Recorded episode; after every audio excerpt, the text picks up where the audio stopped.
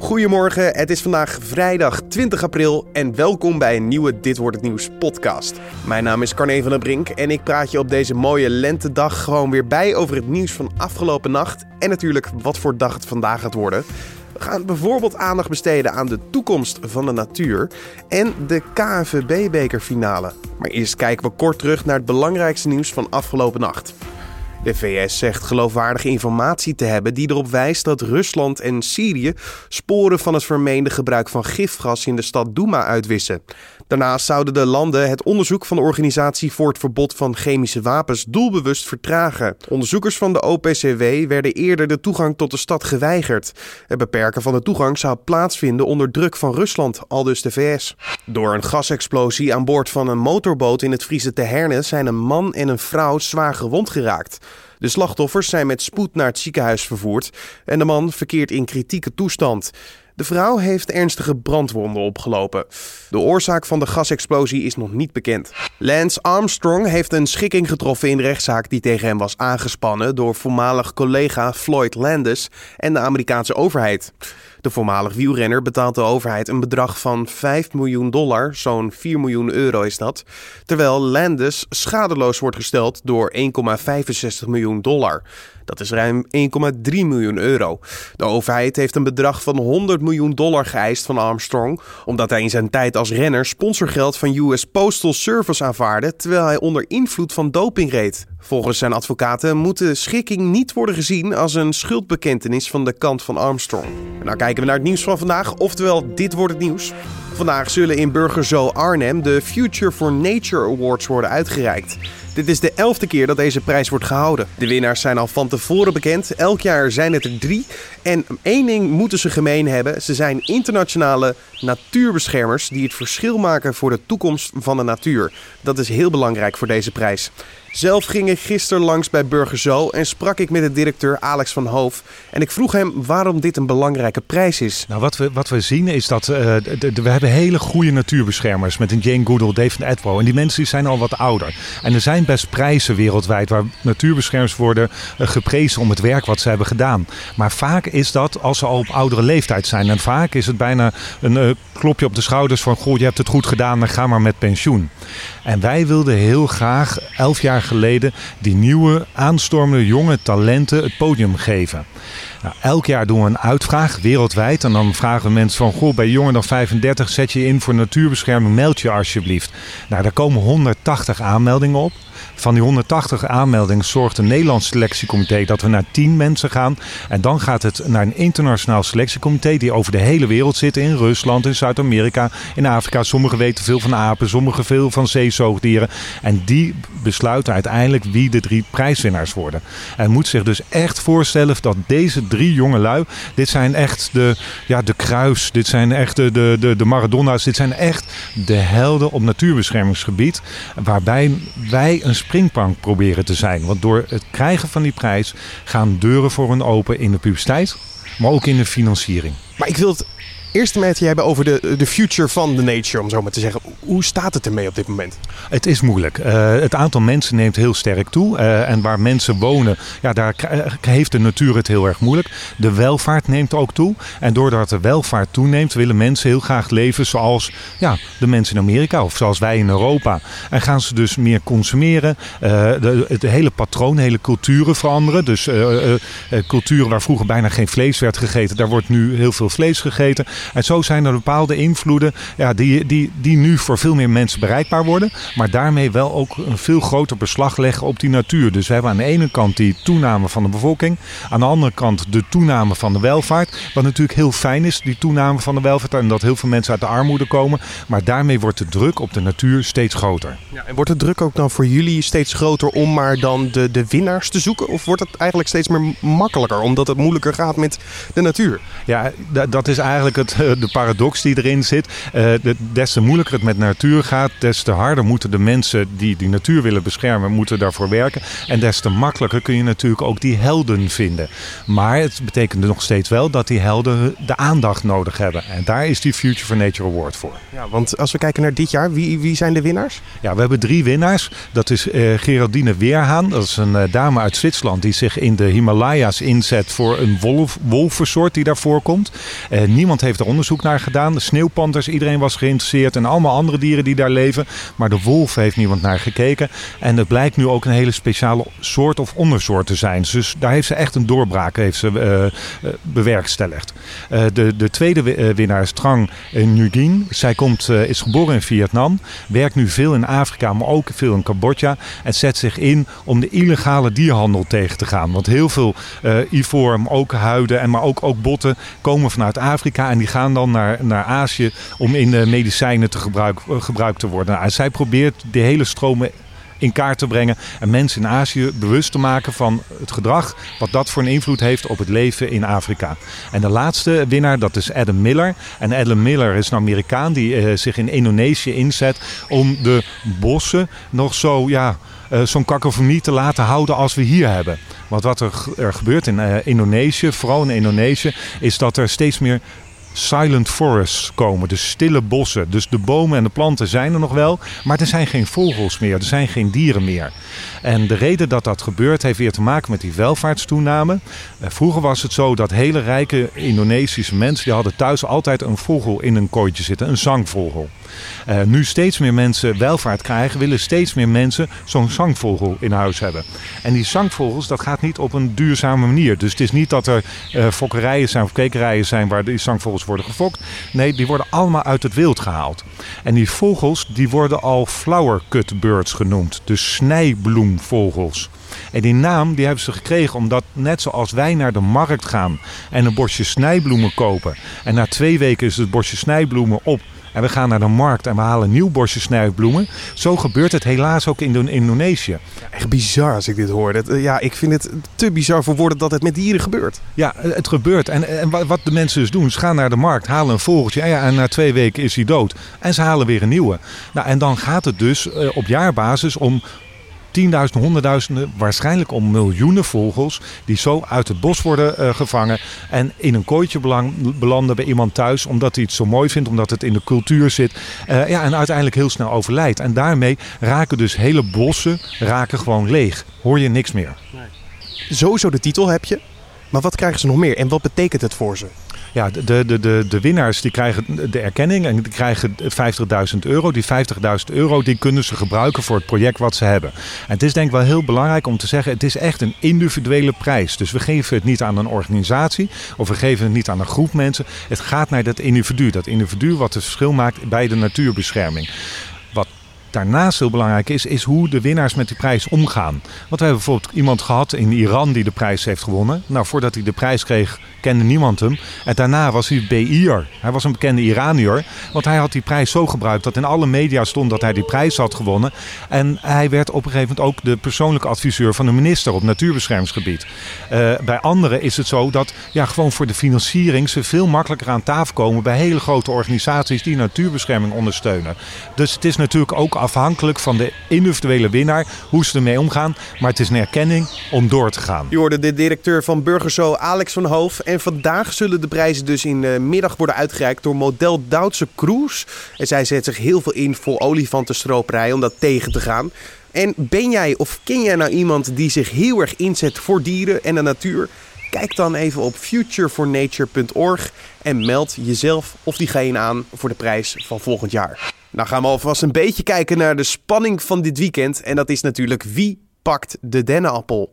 Nee, ik heb het niet over een speurtocht of een biologieles. Nee, we hebben het over de finale van de KNVB-beker. AZ Feyenoord is zondagavond het affiche in de Kuip. Bijzonder aan deze editie is dat dit de honderdste keer zal worden dat de prijs uitgereikt wordt. Je hoort het al genoeg om te bespreken. Wij vroegen aan nu-sportredacteur Riepke Bakker wat voor wedstrijd we kunnen verwachten. Een hele leuke wedstrijd. Ja, echt, het wordt denk ik echt een hele leuke wedstrijd. Want AZ, nou ja, die hebben het, uh, het leukste voetbal in de eredivisie gespeeld van dit hele seizoen. De ploeg van, van, van uh, John van der Brom. Aanvallend voetbal. Uh, ja, Hambaks, Weghorst, Gustil. echt voetbalspelers die willen voetballen, die het spel willen maken. En daar tegenover staat Feyenoord. Nou, Feyenoord heeft een heel seizoen een beetje ja, het verwijt gekregen dat het gebrek aan creativiteit er was. Nou, in de winterstop kwam Van Persie en die heeft daadwerkelijk voor wat meer creativiteit gezorgd. Nou ja, in een prachtige, bomvolle kuip. Twee ploegen die willen voetballen. Twee ploegen die ook echt ja, heel, heel, heel graag willen winnen. Om ja, het seizoen uh, top te maken, geslaagd te maken. Dus het wordt een spektakel. Hebben ze het uh, zwaar eigenlijk gehad in aanloop naar de finale toe? Nee, nee, nee, eigenlijk niet. Ja, Feyenoord in die zin wel letterlijk zwaar dat ze PSV moesten verslaan om de, om de finale te, te bereiken in de, in de kwartfinale. Daarna viel het qua tegenstand op zich wel mee. Hetzelfde geldt voor uh, AZ, het schakelde PEC en, en FC Twente uit in de laatste twee speelronden. Maar het is vooral niet zwaar geweest omdat al heel snel duidelijk was dat zowel AZ als Feyenoord uh, geen kampioen zou worden dit jaar. ze zitten wel redelijk goed richting Europees voetbal, wat ze gewoon via de competitie gaan halen. Dus hebben ze heel rustig de afgelopen weken kunnen toewerken naar deze finale. Eigenlijk tot, tot deze week nog. Feyenoord dat met een uh, B-opstelling freewillend van Persie, Robin van Persie, de man die het natuurlijk straks moet gaan doen, kreeg rust en ze wonnen keurig met 1-5 bij, uh, bij Willem II. Ook AZ spaarde spelers en die wonnen gewoon keurig van, van Vitesse met 4-3. Dus het is sparen, het is vooral niet geblesseerd raken geweest. En uh, ja, alles in het teken van uh, deze prachtige wedstrijd. Ja, want het is niet zomaar een wedstrijd. Het is natuurlijk die finale van de KVB-beker. Maar het is ook tevens de honderdste KVB-beker finale. Dat is toch wel echt een ding. Zal je nog uh, stil bijgestaan worden? Dat is aan één, één ding heel duidelijk te zien. Hè. De dennenappel, zo noemen we een beetje gekscherend dat het die KVB-beker, want daar lijkt hij een beetje op. Die is voor deze ene keer, omdat het de honderdste is, van goud. normaal is het een, een zilveren beker die je krijgt. Nu krijg je een, eh, een gouden dennenappeltje. Ja, dat, dat geeft wat extra cachet aan deze, aan deze bekerfinale. Die willen ze natuurlijk allebei wel in die prijzenkast hebben. De 100ste KNVB-beker, ik heb nog gekeken voor het eerst in 1889. Rap Amsterdam was de eerste wondernaverleng van HVV. En uh, ja, we zijn 119 jaar verder en nu komt de 100ste ja, AZ en Feyenoord willen hem heel graag hebben. En ik moet ook zeggen, KNVB heeft ook wel klasse gedaan de laatste jaren door steeds meer gewicht te geven aan die bekerfinale. In het buitenland zie je juist bij in Engeland bijvoorbeeld de FA Cup dat ploegen steeds vaker een B-opstelling uh, opstellen in het toernooi. Om ja, het, toernooi toch iets aan waarde uh, kwijt is geraakt. Nou, dat is bij de KNVB-beker absoluut niet het geval. Uh, ze hebben er een heel weekend vrij voor gemaakt. Bijvoorbeeld de KNVB-bekers of de KNVB, zodat je ook echt kan toeleven naar die finale. Naar extra leuke dingen. Hè, als Feyenoord wint, uh, rijkt clubicoon Zonder Wolf uit. Wint AZ hem, rijkt clubicoon Barry van Galen uit. En uh, nou ja, het is, het is ook vaak een, een soort volksverhuizing geweest de afgelopen jaren. Twee ploegen tegen elkaar. Met een, met een kuip die is gesplitst in twee kampen. Echt die supporters. Pomvol, uh, 20, 30.000 man van, van beide clubs in de Kuip. Dus uh, ja, het heeft alles eigenlijk uh, om, een, uh, om een hele mooie wedstrijd te worden. Je hoorde nu sportredacteur Riepke Bakker en de wedstrijd is zondagavond om 6 uur. En dit gebeurt er verder vandaag nog. Op verschillende plaatsen in de Verenigde Staten zijn protestmarsen aangekondigd tegen het gebruik van wapens. De protesten van studenten en docenten vinden daarnaast plaats om stil te staan bij de meest dodelijke schietpartij ooit op een school in de VS. Die plaatsvond in februari van dit jaar. Bij de schietpartij in Parkland, Florida, vielen in totaal 17 doden. En dan kijken we waar onze collega's vandaag over schrijven. Het Eurovisie Songfestival, het feest van de diverse muziek en de saamhorigheid. Maar de editie van 2012 kon ook anders aflopen. In Azerbeidzjan ontsnapte het aan een drama schrijft de Telegraaf vandaag. De delegatie uit Israël was bijna ontvoerd naar Iran. Daarnaast zouden verschillende aanslagen, onder meer op de hal waar het Songfestival plaatsvond, mede door de hulp van de Israëlische veiligheidsdiensten zijn vereideld. Dat stelt de toenmalige Israëlische perswoordvoerder Alon Amir in zijn boek over het Songfestival Three Minutes of Eternity. De Nederlandse Voedsel- en Warenautoriteit heeft de vleeswarenindustrie tot 10 juli gegeven om alle vlees- en visverpakkingen van een juiste etiket te voorzien met de correcte ingrediënten. Toegevoegd water wordt nu niet correct vermeld op vlees- en visproducten, meldt de Volkskrant. Sinds 2014 is er al de verplichting om water op de lijst te zetten als producenten water toevoegen. Het toevoegen van water aan bijvoorbeeld hamburgers of zalm in Nederland is al jaren bekend. Zo toonde het tv-programma Keuringdienst van Waarde in 2015 aan dat supermarktverpakkingen, pangasfilet, veelal voor 20 tot 50 procent uit toegevoegd water bestaan. En dan nog even het weer. Het wordt vandaag, ja, ik... Uh, ik zal je niet verrassen, weer een mooie, zonnige en droge dag met temperaturen in het binnenland tussen de 24 en 28 graden. Aan de kustgebieden is het een stuk koeler, dus als je naar het strand gaat, daar komen de temperaturen uit rond de 18 en 23 graden. Door een zeer frisse zeewind kan het op de stranden zelfs afkoelen. Ja, let op, naar 11 graden. Dus voor de echte bikkels hou rekening met het zeewater wat niet al te warm zal zijn. En dan nog dit. Gisteren op de redactie vierden wij de terugkomst van een oude bekende. En dan heb ik het niet over een collega, maar een dienst. En die dienst is Nu Jij. Het is weer terug op nu.nl en eh, ja, eh, reageren onder artikelen is dus weer mogelijk. Maar de grote vraag is natuurlijk, waarom komt het eigenlijk terug?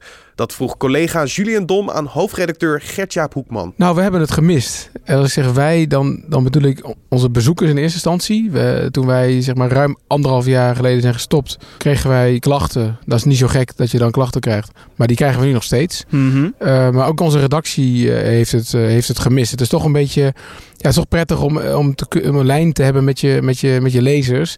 En uh, ja, van hen feedback te krijgen over het stuk en eventueel met aanvullingen. Is er veel veranderd met hoe het eerst was en hoe het nu wordt? Zeker, ja. Het was echt een apart platform, hè, nu jij, waar je ook uh, nieuws van andere sites kon aandragen en daarop kon reageren. Het is nu echt een onderdeel van nu.nl.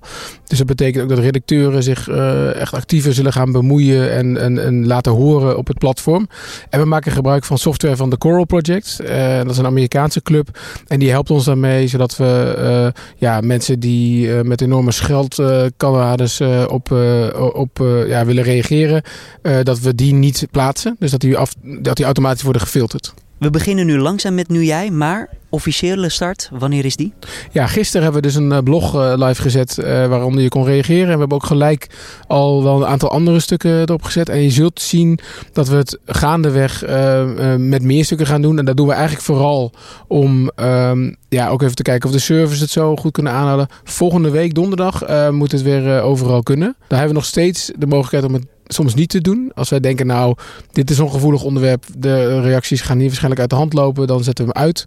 Uh, maar in principe staat het bij alles aan. Je hoorde hoofdredacteur Gertjaap Hoekman. En we wensen natuurlijk alle nieuwe en oude Nu Jij gebruikers veel plezier en succes met reageren.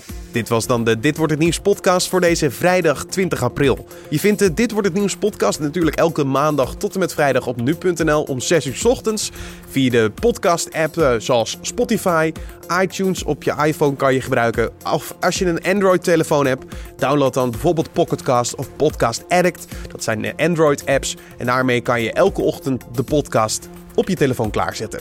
Vind je dit nou een leuke podcast? Laat het ons weten via een mailtje redactie.nu.nl of je kan natuurlijk altijd reageren via een recensie op iTunes. Doe dat even, schrijf er even een recensie bij en wat sterren. Zo help je namelijk de podcast weer verder. Ik wens je voor nu een mooie dag, een mooie vrijdag, een mooi weekend. Ik ben er maandag weer, dus tot dan.